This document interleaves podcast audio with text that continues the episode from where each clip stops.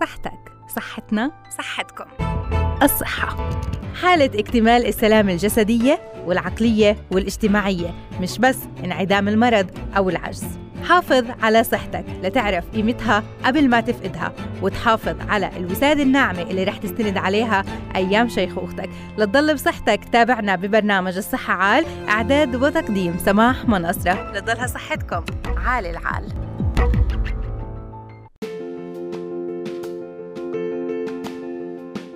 أسعد الله أوقاتكم بكل الخير. هلا فيكم مستمعينا بحلقة جديدة من برنامج الصحة عال عبر أثير راديو علم. العديد من المواضيع لتضلكم بخير وبعافية لليوم مع اقتراب المدارس. أكيد هلا الأطفال بيشتروا بشنطات المدرسة الأهالي بيحضروا بأبنائهم آه، بشكل جيد. لكن كمان لازم ينتبهوا حقيب الحقيبة المدرسية كمان لازم تكون صحية. لازم ما يغفلوا عن هذا الأمر بتاتا لأنه الكثير من المشاكل الصحية اللي بتأثر على العمود الفقري نتيجة استخدام شنطة غير صحية أو ارتدائها كمان بطريقة غير صحيحة. فإحنا اليوم رح نحكي عن الحقيبة الصحية وكيف ممكن يكون ارتدائها أيضا بشكل سليم. في بعض الناس لما يتناولوا شيء بارد يلمس هذا الشيء البارد سقف الفم بصير عندهم صداع بشكل آه، مؤلم جدا. هذا يسمى صداع الآيس كريم. مجرد ما مثلا ياكلوا بوظة أو ياكلوا شيء بارد بصير عندهم هذا الصداع. رح نتعرف على أسبابه شو هي هاي الحالة مين الأشخاص المعرضين لإلها وكيف بتم العلاج. العلاج. أيضا مستمعينا آه، الكثير من الآباء والأمهات اللي ممكن يكونوا مدخنين آه، ممكن إنهم يعتقدوا إنه التدخين آه، ضار لكن بضرهم هم لحالهم لكن الأشخاص المحيطين فيهم ما ممكن إنه ينتقل لهم الضرر. لكن التدخين السلبي هو مؤثر على أطفالكم بشكل كثير كبير. إذا كانوا موجودين بنفس البيت هذا له تأثير. بالإضافة لموضوع بنحكي فيه اليوم عن عمليات القسطرة كيف يتم إجراءها وشو هي أهميتها ومدى نجاحها عندنا بفلسطين وبمحافظة الخليل. كونوا معنا التفاصيل كلها في برنامج برنامج الصحة عال. من هلا بنبدأ هندسة إذاعية وإخراج إذاعي. معاذ كونين يسعد أوقاتك وتنسيق والتنفيذ على الهواء. مباشرة خلدون نصار متابعة البرامج سمية أبو رموز وتحرير الأخبار ومتابعتها محمد الأطرش. معكم بالإعداد والتقديم من وراء الميكروفون أنا سماح مناصرة. يسعد أوقاتكم بكل الحب. مستمعينا ممكن يغفل الأهل عن الجانب الصحي عند اختيار الحقيبة المدرسية بما يتناسب مع جسم الطفل طوله ووزنه إضافة لكيفية حمل هاي الحقيبة ومدى سلامتها على الطفل. كثير من الأطفال اللي بيحملوا حقائبهم بطريقة ممكن تأذيهم على المدى البعيد. الحقيبة بتضل معلقة على ظهر الطفل أو كتفه لوقت مش قصير وبيبقى كمان الطفل بيحمل الحقيبة بنفس الطريقة الخاطئة اللي بدعمها بالثقل اللي بيكون موجود فيها اللي بتأدي بالتالي لمزيد من الضرر لا سمح الله. اليوم نصائح لحمل الحقيبة المدرسية بشكل آمن. أيضا الحقيبة المدرسية كيف ممكن نختارها؟ وكيف ممكن أيضا آه، يعني يكون في مراعاة لكل النصائح اللي رح تذكر اليوم لحتى ما تأدي بضرر للأطفال إن شاء الله.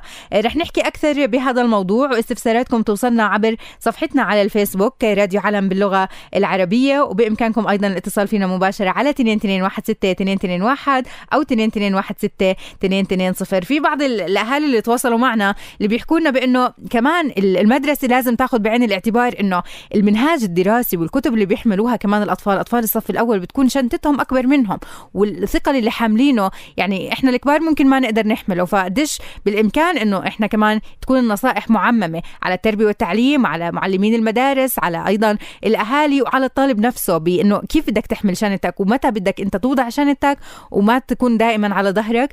بنفس الوقت ممكن إنه في حلول من بعض الأهالي كمان طرحوها وبيطرحوها دائما. إنه بعض الكتب بضلها موجودة بالمدرسة ما في داعي مثلا إنه ترجع على البيت وترجع الطفل يحملها مرة جديدة. في كثير من هاي الأمور اللي بالامكان أيضا إنه إحنا آه، مشاكل نداركها إن شاء الله. معنا بهذا الموضوع الدكتور عفيف قنيبي طبيب العظام. دكتور عفيف أهلا وسهلا فيك يسعد أوقاتك. عندي لقاء مع الراديو. أهلا صباح الخير. أهلا وسهلا بحضرتك يسعد صباحك. الله يبارك فيك. لكل المستمعين. أهلا وسهلا بحضرتك آه، دكتور اليوم بنحكي عن الحقيبة المدرسية. بداية خلينا نوصف آه، الحقيبة المدرسية الصحية. كيف لازم تكون؟ وشو المخاطر اللي ممكن تسببها الحقيبة المدرسية على صحة الأطفال حاليا؟ يعني إحنا بالنسبة للحقيبة المدرسية هي مش الشكل ولا المنظر ولا الألوان الموجود عليها هي اللي بتخوفنا كأطباء وإنما الوزن، الوزن الزائد الموجود داخل الحقيبة اللي بيأثر تأثير سلبي واضح على الأطفال. يعني زي إحنا بنلاحظ جميع حقائب أطفالنا المدرسية للأطفال أقل من 10 سنوات بتزيد وزن بتزيد نسبة وزنها من 25 ل 40% تقريبا من وزن الطفل الصغير وهي حتى هنا تكون صحية لابد أنها تكون أقل من 10% من وزن الطفل. يعني إذا كان وزنه آه، طفل 30 كيلو لازم لا لا تتجاوز الأربعة إلى 5 كيلو حتى أن نستطيع أن نقول إنها شنطة صحية طيب هلا الطريقة المثلى لحمل الحقيبة المدرسية كيف لازم تكون؟ آه، خلينا نقول على الإشكاليات. أول حاجة بالنسبة لقضية الوزن الزائد للحقيبه المدرسية آه، بنتج عنه آلام شديدة عندنا في الرقبة آلام في الكتف آلام في العمود الفقري تشوه بحرف سي أو دوراني اللي بنسميه scoliosis باللغة الطبية للأطفال. تشوه في القفص الصدري قد ينتج عنه في مراحل متقدمة وهذا قد ينتج عنه ضغط على القلب، اذا عندنا إشكالية كبيرة في قضية آه، الحقيبة المدرسية والوزن الزائد تاع الحقيبة المدرسية. الأطفال كثيرين من الأطفال بتلاقيهم بيحملوا الشنطه أو الحقيبة المدرسية على جهة واحدة على كتف واحد. هذا بنتج عنه 30% ضرر أكبر. م. مقارنة ب 7% من المضاعفات بتنزل في حال إنه حمل الشنطة بشكل متوازن على الكتفين. لأنه بصير عندنا حمل متوازن على كتفين على العمود الفقري على الحوض على القدمين. إذا عندنا توازن كامل على الجسم. فهذا الكلام بيساعدنا بشكل كبير إن نخفف من أضرار آه، الحقيبة المدرسية ومن الوزن الزائد الموجود فيها. طيب دكتور هلا مين أكثر؟ آه أكيد رح نحكي بالحلول بس مين نعم. أكثر الفئات اللي ممكن تكون عرضة لكل هاي الأخطار؟ مثلا نحكي عن طلاب الصف الأول ما قبل مرحلة مثلا الثانوي ولا ممكن الكل يكون عليه ضرر؟ لا على الأغلب هم الطلاب غير مكتملين النمو خلينا نسميها اللي هي ما أقل من 12 سنة فما دون. من 12 عام فما دون لسه عظمهم في مرحلة نمو سريع في تطور سريع. فهون الإشكاليات في العمود الفقري والتشوهات الخلقية في العمود الفقري قد تنتج ناتجه قد تنتج عن الوزن الزائد من الحقيبة المدرسية. طيب النصائح هلا دكتور آه، النصائح. كيف بالإمكان إنه إحنا نخفف من هاي الأضرار؟ إحنا إحنا يعني في في مقترحات طبية كثيرة يعني من خلال متابعتي لهذا الموضوع إحنا حكينا أكثر من سنة في هذا الموضوع فعندنا آه، لابد انه يكون في نصائح عامة من منها نصائح للأهل ومنها نصائح للمدرسة. بالنسبة لنصائح الأهل إنه الحقيبة تكون آه، يشدوا على أطفالهم يوصلوهم آه، عفوا تكون الحقيبة بوزن خفيف جدا وذلك من خلال تغيير اليومي الدوري للبرنامج. الكتب الزائدة اللي مش موجودة على الجدول اليومي لابد إنها تزال حتى ان نخفف من حمل هذه الحقيبه آه لابد إنه يكون آه هناك آه آه، توصيل للأطفال حتى أقرب مكان ممكن من المدرسة حتى ما يكونوا شايلينها على ظهورهم كيلو واثنين كيلو. إذا كانت شغلة بس آه، لباب المدرسة أو لشغله 50 60 متر من المدرسة بيكون كثير أفضل. والنتائج ساعتها إحنا بنتلاشى كل المضاعفات الناتجة عن الوزن الزائد للحقائب. عندنا آه، ممكن المدارس الخاصة إنها تأمن لنا بعض الخزائن الخاصة بالأطفال مزبوط. وهذا اقتراح أيضا بعض الأهالي. نعم. يحطوا مثلا بالتعاون مع بعض الأهالي إنه يحطوا مثلا المستلزمات الرياضية والفنية داخل المدرسة ما في داعي إنهم يروحوها على البيت ويرجعوها معهم. فبنتج عنه تخفيف من وزن هذه الشنطه وبصير عندنا وقاية والوقاية دائما خير من قنطار علاج. أكيد. آه أيضا بإمكانه إنه مثلا المدارس الخاصة ما أعتقدش المدارس الحكومية عندنا بسبب أوضاعنا إحنا إنها تأمن مثلا بدل للطفل كتاب كتابين كتاب للتحضير في المنزل وكتاب للمتابعة والدراسة في المدرسة. وأعتقد إنه الآباء مستعدين على إيش؟ تحمل 50 صحيح لكن 50 شكل زيادة ولا إنه يكون الطفل مصاب. في مضاعفات مزبوط. ضارة بالنسبة لوزن الشنطة الزائد. تمام بدي أتشكرك أكيد دكتور. الإلكترونية وإلى غير ذلك أعتقد م. إحنا يعني ما وصلنا للمستوى هذا حتى نستطيع إن صحيح. نتكلم في هذا الموضوع لكن لكن نتمنى إنه هاي النصائح فعلا توصل نعم. لكل الأهالي وتوصل أيضا للهيئات التدريسية. كل شكر لحضرتك. الدكتور عفيف قنيبي أخصائي طب العظام يعطيك ألف عافية. مستمعينا فاصل قصير وبعد الفاصل رح نرجع لحتى نحكي عن صداع الآيس كريم أو تجميد الدماغ. خليكم معنا لبعد الفاصل. أثبت علماء أمريكيون أنه صداع الآيس كريم اللي بصيب الأشخاص لما يتناولوا مأكولات أو مشروبات مثلجة. هذا الأمر بصير بشكل مفاجئ. شو اللي بصير عند الإنسان لحتى يشعروا بصداع نصفي شقيقة وممكن يتسبب أيضا بنوبات ألم حاد لكثير من الأشخاص. رح نحكي أكثر بتفسير هاي الحالة. شو صداع الآيس كريم؟ مين هم الأشخاص المعرضين؟ أيضا للإصابة وكيفية العلاج والوقاية مع الدكتور فضل البطران أخصائي جراحة الأعصاب والدماغ والعمود الفقري. دكتور دكتور فضل أهلا وسهلا فيك يسعد أوقاتك. إيه، صباح الخير صباح الخير لجميع المستمعين. الله يسعد أوقاتك جميعا. أهلا وسهلا فيك دكتور. يعني. موضوعنا لليوم حول صداع الآيس كريم. بداية شو المقصود بهذا الأمر؟ شو هي هاي الحالة؟ آه هو يعني الموضوع مرتبط بتناول الأشياء الباردة. بس ارتبطت بقضية الآيس كريم أو البوظة واللي هذا لأنه أكثر الأشياء اللي كلها باردة في أيام طبعا أيام الحر وأيام الصيف.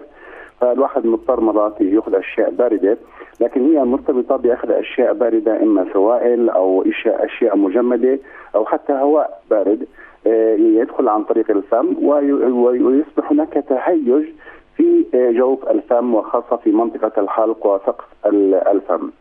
آه، نحن بجوز حكينا في في في حلقات سابقة عن الصداع الشقيقة وعن أنواع الصداع وكان أحد النظريات من صداع الشقيقة اللي حكينا فيها إنه عم بصير في عندنا تضيق وتوسع في الأوعية الدموية داخل الدماغ وداخل الرأس وتهيج الخلايا العصبية ما يسمى بالعصب الخامس اللي هو المسؤول عن إحساس الوجه ومنطقة الفم والمنطقة حول الفم. هي كلها مسؤول عنها العصب الخامس. اللي بينقل الإحساس من الوجه لداخل الدماغ. وبالتالي تهيج تهيج الخلايا العصبية والأوعية الدموية في جوف الفم. هذا يهيئ يعمل انقباض مفاجئ للاوعيه الدموية. آه، تنقل تنقل الإشارة عن طريق العصب الخامس عن طريق الأوعية الدموية. تنقل إلى الدماغ ويصبح هناك توسع في الأوعية الدموية. داخل الدماغ حتى يتم تدفق كميه كافيه من الدم إلى إلى الخلايا العصبية أو الخلايا الدماغية لأنه آه، عم بصير ردة فعل وشكله من الدماغ الذي يكون محافظ على وظيفة معينة وجو حرارة ثابتة. فالشعور بالبارد المفاجئ البروده المفاجئة يجعل الدماغ يتكيف لدفق الدم ومحافظة على دفء الخلايا العصبية.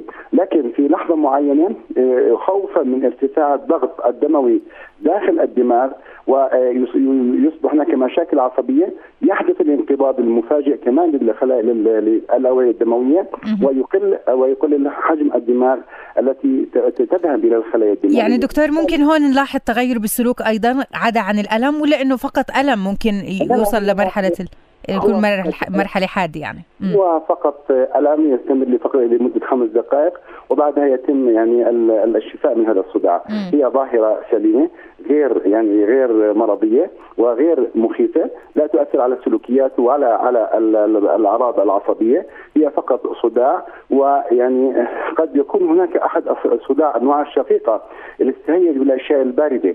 فعشان هيك الحل الوحيد هو تجنب الأشياء الباردة والمجمدات بشكل. بشكل طيب. يعني بشكل يعني ياخذوا البحر بشكل مخفف أو إنه يغطي مثلا بطانه السقف الفم إلى آخره. لكن بعتقد إنه هو مرتبط بالأشياء الباردة ولا يوجد له أي مشاكل عصبية. وبتحدث يعني نسبة مش بسيطة عند الناس على فكرة يعني. آه، فبالتالي يعني توقعها ممكن يحصل مع أي حدا ممكن يأخذ أشياء باردة وأشياء يعني ممكن هون دكتور مع أي حدا آه، يعني عادي إنه ولا في أشخاص ممكن يكونوا أكثر عرضة من أشخاص آخرين؟ يعني في ناس بتواصلوا معي هلا بيحكوا إنه لما يتناولوا شيء بارد ما بصير لهم شيء وبعض الأشخاص الآخرين لا لما يتناولوا آه، فعلا الآيس كريم أو المثلجات بصير معهم هذا الصداع. فليش بصير هذا الفرق؟ هو هو هو بالحقيقة إنه يعني هناك يعني كان في صعوبة صراحة آه، بقضيه اللي هو دراسة هاي الحالات على يعني الناس المعرضين للصداع. يعني نحن في ناس معرضين لصداع الشقيقة، معرضين لصداع التوتر النفسي، معرضين لصداع التوتري والنصفي والعنقودي، فهناك في أرضية مهيئة لنوب الصداع لنوب الصداع. فبالتالي صعب يعني إجراء تجارب على هاي الحالات صراحة لأنه قد يحدث نوبه صداع يعني كبيره جدا ويعني وعدم السيطره عليها. فبالتالي هناك تعتمد على طبيعة الأشخاص تعتمد على حساسية الخلايا العصبية والحسية في منطقة جوف الفم الفم ومنطقة الوجه. والعصب الخامس تعرف إن إحنا كل واحد فينا حد للإحساس. يعني ممكن أتحمل درجة حرارة تنحط على الوجه يعني آه، مختلفة عن شخص آخر لا يتحمل هذه درجة الحرارة، فبالتالي هذا يعتمد على الطبيعة والأجواء والبيئة وتركيز الجسم والخلايا والخلايا العصبية وقدرة تنبهها للمنبهات الخارجية اللي ممكن إحنا نتعرض لها، فبالتالي العصب الخامس نعرف إنه هو ينقل كل إحساس الموجود من الوجه لمنطقه الخلايا الدماغية ويتأثر بالمنبهات الحسية والعصبية وتغيرات الطقس والبرد والشتاء وتوسع الأوعية الدموية وجدران الأوعية الدموية و... تمام يعني بنقدر نحكي عنها دكتور هي حالة ممكن إنه تعدي مع الشخص أو إنه يروح الألم بعد خمس دقائق إذا إذا كمان كان في مضاعفات أخرى ممكن إنه تستمر الحالة ويكون في منها خطر ولا لا؟ نادرا نادر جدا لا, لا, تستمر الحالة إلا إذا كان في ناس عندهم نوع صداع شقيقه أصلا هو بكون متعرف عليها. فبالتالي إحنا ننصح هدول الحالات بصداع الشقيقة إنهم يتجنبوا الأشياء المنبهة وتثير نوبة الألم. لكن بشكل عام هي نوع سليمة طارئة وسريعة ولا تحدث أي مشاكل عصبية. تمام. طيب هلأ العلاجات اللي ممكن تكون مقدمة متوفرة عندنا في حال إنه مثلا ضعفت الحالة ولا شو اللي بيصير؟ لا أعتقد إنه يعني يوصل مرحله مرحله علاج. يعني هي اللي الفترة قصيرة جدا. يعني بتحكي عن فترة خمس إلى عشر دقائق في أقصى الأوقات. فبالتالي إحنا لو ناخذ مسكن أقل مسكن بده يعني مفعول على الأقل نص ساعة. فبالتالي لا نحتاج غالبا إلى آه، مسكنات وتذهب بشكل سريع آه، إلا إذا في ناس عندهم عرضة للشقيقة. هم أصلا بيكونوا عارفين أنواع الصداع آه، وهم أصلا بيتجنبوا إنه ياخذ الأشياء الباردة حتى ما تصير عنده النوبة. تمام. لكن بشكل عام لا يتطلب أي علاج بهذه الحالة وهي ظاهرة غير مخيفة وغير مزعجة. لكن أنا بعتقد إنه الواحد يتجنب الأشياء هاي اللي يعني زي ما قلت الواحد الواحد طبيب نفسه. فدائما بيبعد عن الأشياء اللي ممكن تأذيه. صح. بالضبط. وهذول الأشخاص مثلا ممكن يتعرضوا لهي الحالة أول مرة فلازم يتجنبوها في المرات القادمة لحتى ما يصير عندهم هذا الألم. يعني حتى وإن مدته قصيرة لكن أكيد ما في شخص بيعرف إنه هذا الشيء بده يألمه ويروح يتناوله. كل الشكر لحضرتك الدكتور فضل البطران أخصائي جراحة الأعصاب والدماغ والعمود الفقري. مستمعينا فاصل قصير. بعد الفاصل الجزء الثاني من أخبارنا الصحية من حول العالم. خليكم معنا والصحة عال. مستمعينا رح نحكي هلا عن القسطرة كيف يتم إجراءها شو هي أهميتها لمين بتلزم؟ آه أيضا آه كيف ممكن القسطرة عملت نقلة نوعية بمجال آه الطب وبمجال أيضا آه العلاج؟ آه تدخل تشخيصي ممكن تكون وأيضا ممكن إنه نفرق ما بين القسطرة التشخيصية والقسطرة العلاجية. آه من هم الأشخاص المؤهلين أيضا لإجراء مثل هذا النوع من العمليات. كونوا معنا التفاصيل كلها في برنامج الصحة عال رح يكون معنا استشاري الأمراض الباطنية والقلب الدكتور صبحي رشيد. أي استفسار استفسار عندكم. بعتوا لنا إياه عبر صفحتنا على الفيسبوك راديو عالم باللغة العربية بإمكانكم الاتصال فينا مباشرة على 2216 أو 2216 رح نجاوب على كل الأسئلة أكيد اللي بتوصلنا لحتى تكونوا آه، مطلعين على هذا الموضوع أكثر من خلال حديثنا مع الدكتور بعد هالفاصل القصير. ابقوا معنا مستمعينا. مستمعينا متواصلين إحنا وأنتم برنامج الصحة عال. التدخين السلبي بيهدد حياة الكثير من الأطفال على الرغم من خطورة الأمر إلا أنه بعض الآباء والأمهات بيقابلوا هذا الشيء بشيء من اللامبالاة ممكن آه، بصروا على التدخين أمام أطفالهم. بتمثل مخاطر وأضرار التدخين السلبي بحسب تحذيرات الأطباء آه، الإصابة بأمراض القلب والجلطات تعرض الأطفال لنوبات الربو اللي ممكن يكون آه، منه حالة خطيرة جدا الإصابة بالتهابات متكررة بالأذن بهدد الأطفال بالسمنة وكمان أمراضهم ممكن أصعب حالة إنه لما الأطفال يشوفوا أبائهم مدخنين ممكن كمان ياخذوا منهم العادة ويصيروا مدخنين آه، حتى بمرحلة الطفولة المبكرة. رح نناقش هذا الموضوع أكثر ونتعرف على آه، تأثير التدخين السلبي أيضا على صحة الأطفال وكيفية آه، التخلص من هاي الأضرار مع الأستاذة سعدية العجلوني أخصائية اجتماعية في جمعية مكافحة التدخين بالخليل. أهلا وسهلا فيك أستاذة يسعد صباحك. الله يسعد صباحكم الله يخليكي. أهلا وسهلا بحضرتك. اليوم بنحكي عن آه عن التدخين السلبي. بداية خلينا نوضحه شو المقصود بهذا المصطلح للمستمعين؟ آه طبعا التدخين السلبي خلينا نعرف آه التدخين بشكل عام إنه التدخين هو جميع الدخان بيشمل السجاير الأرجيلة كل أشكال التدخين طبعا. آه بالنسبة للتدخين السلبي هو التدخين غير المباشر أو غير الإرادي عن طريق استنشاق وتنفس الدخان انبعث منتجات الدخان اللي بيستخدمها طبعا الآخرون لما يكونش الفرد أو الطفل آه له دخل فيها يعني بيكون غير مدخن. تمام. طيب هلا هذا التدخين آه ممكن إنه يعني الأهل بيسمعوا مضار التدخين عليهم على صحتهم بيروحوا بإنه بيحكوا إنه لا هاي هاي الأمور ما صارت معنا وما صارت مع غيرنا فإنه بيستمروا بالتدخين. لكن ما بيعرفوا أثار التدخين السلبي على صحة أطفالهم. كيف ممكن نوضح هذا الأمر؟ طبعا التدخين السلبي طبعا الدخان مقسم الدخان اللي بيطلع من السيجارة نفسه وفي الدخان المنبعث طبعا من الفم المدخن أو الأنف المدخن. طبعا التدخين المنبعث عن طريق الفم أو الأنف بيكون مفلتة وكذا بيكون أقل نسبة تأثيره على الطفل. بس التدخين المنبعث من نفس السيجارة طبعا هو بيكون له أثر أكثر على على الطفل وعلى الأسرة المحيطة بالمدخن. طيب هلا الأضرار كيف ممكن كمان نوضحها للمستمعين. يعني من خلال دراسات قرأناها بأنه ممكن تعرض الأطفال لنوبات الربو ممكن أكيد. الإصابة بأمراض القلب والجلطات. يعني قد ما بتأثر على الأهالي كمان ممكن تأثر على الأبناء بنفس طبعا الصورة. إنه لأنه إحنا بنحكي عن فئة عمرية طبعا الفئة العمرية طبعا تكون طفل من سن مثلا حتى ما قبل الولادة طبعا بتأثر على الطفل. من خلال اذا كانت الأم مدخن أو الأب مدخن إنه كان في جو من تدخين. طبعا بيأثر لأنه بيكون هو عنده حجم الرئة للطفل بتكون صغيره وكمان عندنا الجهاز المناعي للطفل بيكون غير مكتمل. طبعا هذا بيؤدي إلى إنه يكون تأثيره سلبي أكثر على نفس غير نفس المدخن اللي بيكون عنده. طبعا الجهاز المناعي مكتمل وأشياء اللي عنده مكتملة كاملة. صحيح يعني تأثير على الأطفال اللي بيكونوا بياخذوا التدخين السلبي ممكن تكون مضاعفة لأنه هم في مرحلة نمو. إحنا قلنا الجهاز المناعي عنده بيكون كثير لسه غير مكتمل طبعا بيكون الجرعات التدخين اللي بياخذها سلبية عليه أكثر من المدخنين الثانيين أها.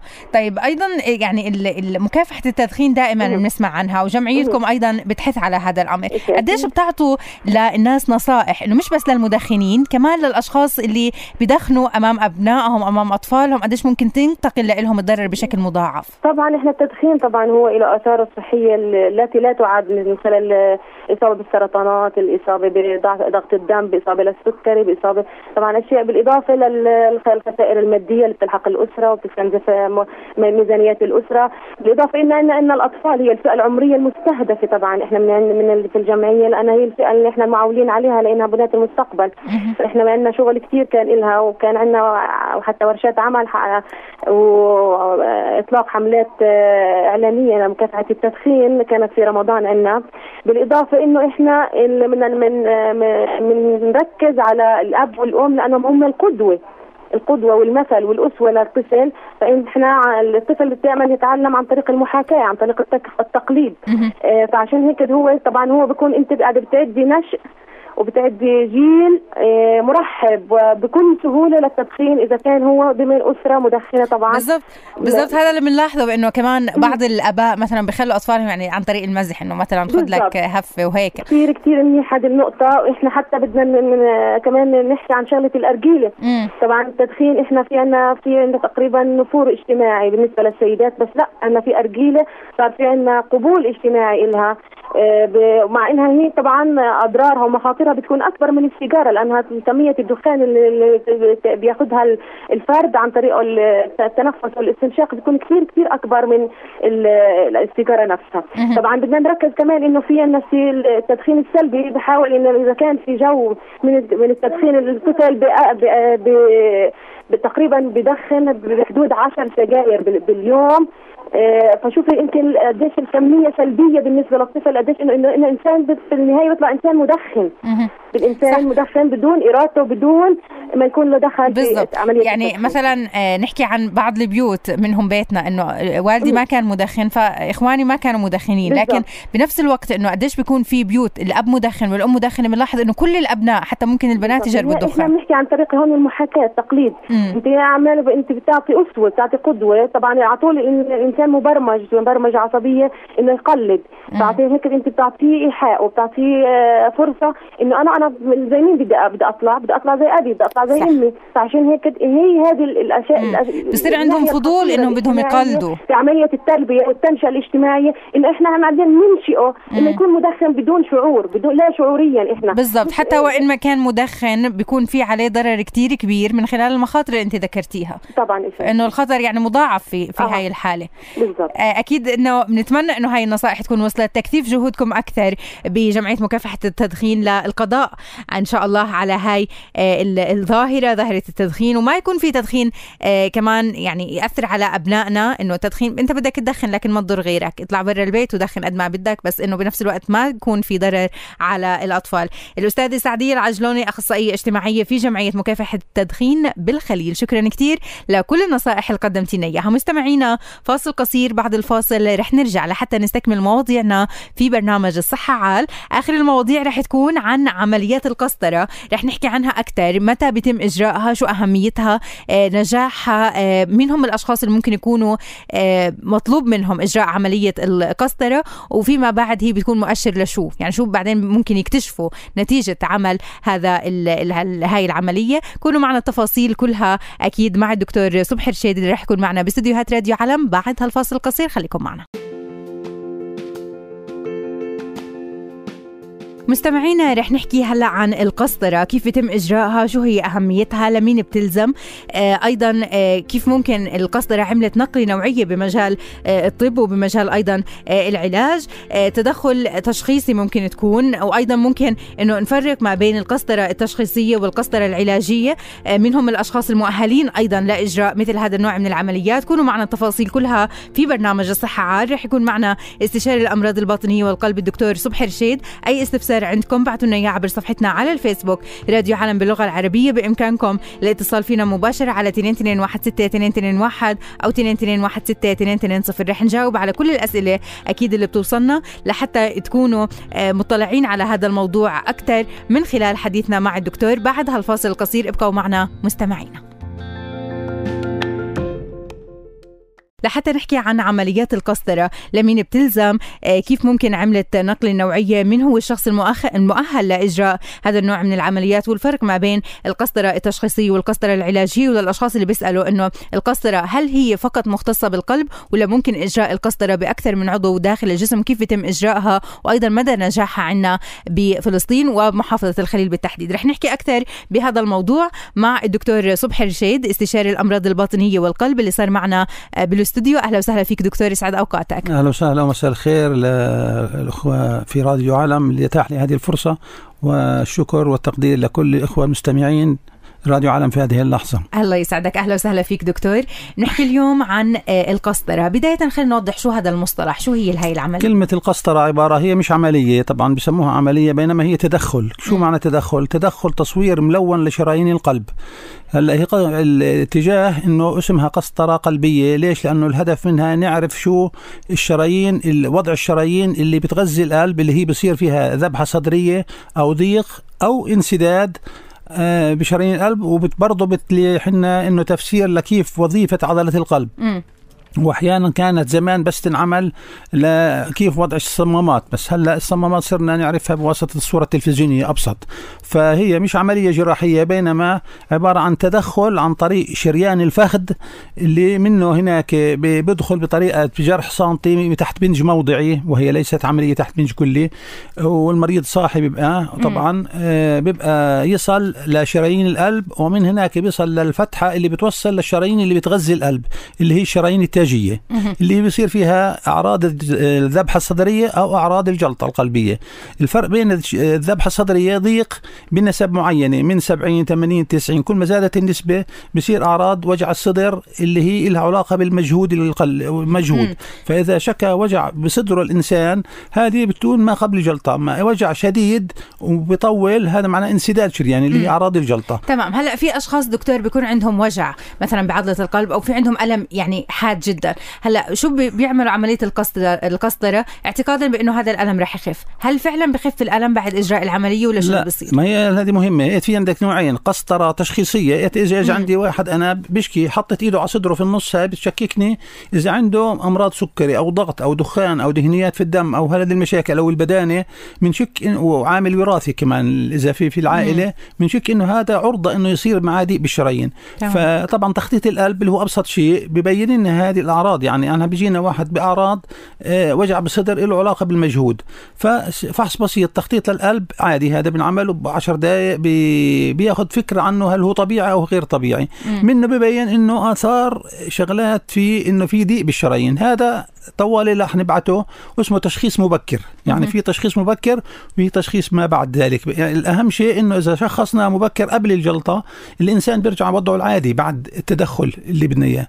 ف الصورة لما نعملها بطريق عن طريق الفخذ المريض بيبقى صاحي تحت بنج موضع بيحسش باي شيء ولا مشاكل والفحص بقعد من نص ساعة لساعه أو أكثر إذا صار في تشخيص علاجي. مم. شو معنى تشخيص؟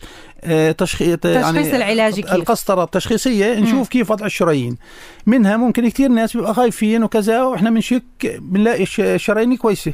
المريض خلص بيسحب هالسلوك وهذا ومنطمنه إنه قسطرتك طبيعية بس عندك إذا عندك سكر يدير بالك على حالك مم. إذا دخان شيلك منه. يعني بتكون كأنها تطمينية أكثر. كثير صدفت معنا ناس طبعا وخايف حاجة بالآخر بنبعته. مش. لكل الناس يعني ببين وضع العمر والسن والمضاعفات. مم. وفي ناس طبعا بنشك 99% إنه عنده هذا الشيء فبنبقى محضرينه ومفهمينه إنه إذا الطبيب الأخصائي القلب اللي هو بيعمل هذا التدخل اللي هي القسطرة وقادر إنه يعمله عنده خبرة جيدة وفي عندنا بالخليل يعني شيء ممتاز في مستشفى الأهلي ومستشفى آه، تخصصي. ففي طواقم ممتازة وسدت إنه يروحوا على خارج وعلى عمان فبقوموا في هالشغلة هي فإذا الطبيب طبعا بنفهم المريض لأنه آه، بتكلف هذه القسطرة. صح. وهي عبارة عن فحص بسيط بس إذا لقي شريان 95 أو 90% بده تدخل. مم. شو معنى تدخل؟ مش جراحي بينما تدخل بدعامة. طب كيف بده يدخل هو لما يصور آه، الشريان هذا بلاقي إنه ديقان مثلا 90% و 80% هذا عرضة إنه بصير في أي لحظة جلطة صحيح فهون بحط البالون مم. وبنفخ محل الضيق هذا وبحط دعامة اللي هي ستنت بنسميها وهون بتكون علاجية هذه علاجية مم. طبعا إذا في شريان أو شريانين أو ثلاثة لقيه كانوا زمان إذا ثلاث شرايين يفضل يعملوا عملية قلب مفتوح أوه. يعني هذه بتبقى منها الشخص التشخيص مم. هذا ولهيك ارتبط ممكن مصطلح القسطرة بعمليات القلب المفتوح إنه بعد إجراءها خلص على طول بده يكون في آه، قلب مفتوح. نقلت نقلة نوعية زمان كان المريض يصيبه جلطة نقول له اقعد على التخت شهر انت وحظك ونصيبك ما آه. تهويش ما تاخذش حب تحت لسان. كل هذه أشياء التغت تقريبا. فإجي أحسن طلع هلأ في كمان لحظة لحظة ما تصير معاه الجلطة إذا تحول بصورة مستعجلة للمستشفى واجى التدخل للقسطرة فرصة للنجاح. بتبقى نجاح 100% تقريبا أو 97 طيب هلأ دكتور الأسئلة اللي بتوصلنا إنه إجراء هاي العملية لازم إنه يكون تحت إشراف طبيب مختص يعني مختص بهذا المجال قديش ممكن يكون في مراعاة لهذا الأمر؟ إنه مش أي طبيب ممكن يجريها آه. ومش أي مكان كمان ممكن إنه نجري فيها عملية القسطره طبعا هذه تخصص ال cardiology و invasive cardiology لأنه هذا بده تدخل على طريق الأوعية الدموية ويعرف برضه كيف يحط الدعامات وكيف يشخص كيف حاجة وتنعمل كمان عن طريق شريان اليد كمان. بس طبعا شريان الفخذ أحسن وله آه نتائج أحسن إذا بده يعمل تدخلات آه علاجية. فالوقاية خير من العلاج في واحد شاكين فيه فبننقذه كثير إحنا بنحذر إنه هذا غالبا يبقى عنده آه، من أعراض الذبحة الصدرية بصدره آه، في ديقان فالديقان طوال بنقول له يمكن هذه تحتاج شبكة واحدة أو تنتين. كل ما زادوا بصير يكلف أكثر إذا أكثر من ثلاث شرايين أفضل العملية الجراحيه لأنه نتائج الشفاء فيها أكثر من 15 20 سنة. بينما الشبكات ممكن تخدم خمس سنين أربع سنين ست سنين بتعتمد يعني هاي الفائده تمام. طيب هلأ كمان آه، دكتور يعني أكثر الأسئلة عن تكاليف آه، هاي العملية وهل ممكن يختلف من مكان لمكان؟ مثلا عندنا بفلسطين. تكاليف طبعا قسطرة معظم الناس اللي معاه تأمين يحول عن طريق مستشفيات السلطة وإذا في مكان بيعملوه مثل رام الله بيحولوه يعني مستشفيات الحكومة من يحمل تأمين صحي بتحول على مستشفى رام الله. إذا كان مستشفى رام الله مضغوط والحالة طارئة يحول على المستشفيات الخاصة حساب التأمين والمريض بيدفع نسبة بسيطة 10 15 20% بتبقى لازم يعمل تأمين في حال زي اوفر له. وهي نقلت نقلة نوعية المرضى يعني يشفى ينتقل من آه، من حيز حالة لحيز آه. وطبعا شرط يدير باله مش إنه إذا عمل قسطرة أو عمل عملية قلب مفتوح ينسى ويرجع لدخانه ولا العادات وتظبيط السكري طيب هلا كمان دكتور ال- ال- الفئة اللي ممكن تكون آه، هي اللي بتجري العمليات. إحنا بنعرف ممكن كبار السن هم اللي يجروا عمليات القسطرة. ممكن توصف ل ممكن لشباب لأطفال صغار؟ شفنا كثير حالات 20 سنة و22 سنة وحولناهم ياما واحتاجوا عملية قلب مفتوح. ليش؟ لأنه عنده أسباب. عنده دخان شديد دخان ما بيسوي وعنده ذهنيات وعنده عرضه عامل وراثي. يعني في عائلات عندهم آه، ضيق بشرايين القلب من ناحية وراثية فهذه بتزيد نسبة الخطورة. آه. فالستات محميات. عن تجربة إلي يعني قليل أشوف واحدة تحت ال 50 سنة يصير معها بس فوق ال 50 سنة بصيروا زي الرجال. بينما الرجال شفنا في حالة واحدة 16 سنة جلطة قلبية في حالات 22 21 من المدخنين الشرسة يعني. فبصير يعني مش إنه العمر أما السيدات أقل إلا إذا في عندهم أمراض تانية الغدد بتزيد الدهنيات في أمراض دهنيات دم المداني النصاحة بصيروا عرضة. تمام. آخر الأسئلة دكتور كمان لحضرتك إنه آه، بيجروا عمليات القسطرة لحتى يعني يكون في عندهم راحة إنه ما عندهم مثلا أمراض فبتكون كأنها وسائل تطمينية. هل بتنصح بإنه الشخص ممكن يعمل عمليات القسطرة ويرجع يعملها كمان مرة ولا إنه الأفضل فقط عند الضرورة؟ عند الضرورة طبعا. الأخصائي المتابع للحالة يعني افرض أنا حولت واحد للمستشفى المفروض يراجعني بالنتيجة ونقارن شو الحل الأوسط وين يروح لأنه أنا بدله بعرف الأطباء مين اللي بيقوموا في الشغلة وبسهل له الطريق ممكن أدله على كيف يعمل التأمين ويتوفر آه. عليه فلوس كتير. تمام. والمتابعة هذه أهم شغلة. نقطة تانية آه، أمراض ال- الكلى. يعني أي فحص بده يعمل قسطره لازم يعمل فحص الكلى ولازم تكون وظيفة الكلى ممتازة جيدة وإلا بتصير مشاكل. يعني للي عنده في وظائف الكلى خلل بصير خطورة إنه يصير يغسل المريض آه. الساعة فبيحذر يعني هذه جدا تمام. الملاحظة. تمام. وف- بدي أتشكرك أكيد الدكتور صبحي رشيد أخ استشاري الأمراض الباطنية والقلب يعطيك ألف عافية. شكرا لكل هاي شكراً. المعلومات. أكيد زدت وعينا بخصوص هاي شكرا لكم. في أي وقت أنا. جاهز واهلا وسهلا. فيكم وبكل المستمعين وراديو عالم شكرا لكم. الله يسعدك. أهلا وسهلا فيك دكتور. مستمعينا آه، لهون بنكون وصلنا لنهاية برنامج آه، الصحة عال اليوم. شكرا لحضراتكم للمتابعة وشكرا لكل الضيوف اللي كانوا معي. وأتقبل تحياتي رفقتكم بالأعداد والتقديم. من وراء الميكروفون أنا سماح مناصره في أمان الله.